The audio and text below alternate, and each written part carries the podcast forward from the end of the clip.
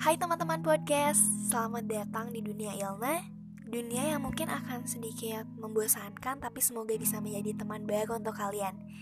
Teman baru untuk menatap senja yang indah sambil menyeruput kopi.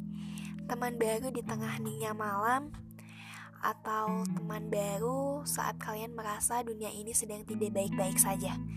Semoga di mana pun dan kapan pun podcast ini selalu bisa menjadi teman baik untuk kalian.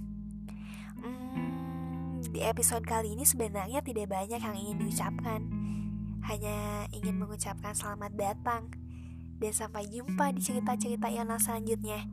Semoga hari kalian selalu baik-baik saja ya. Bye bye.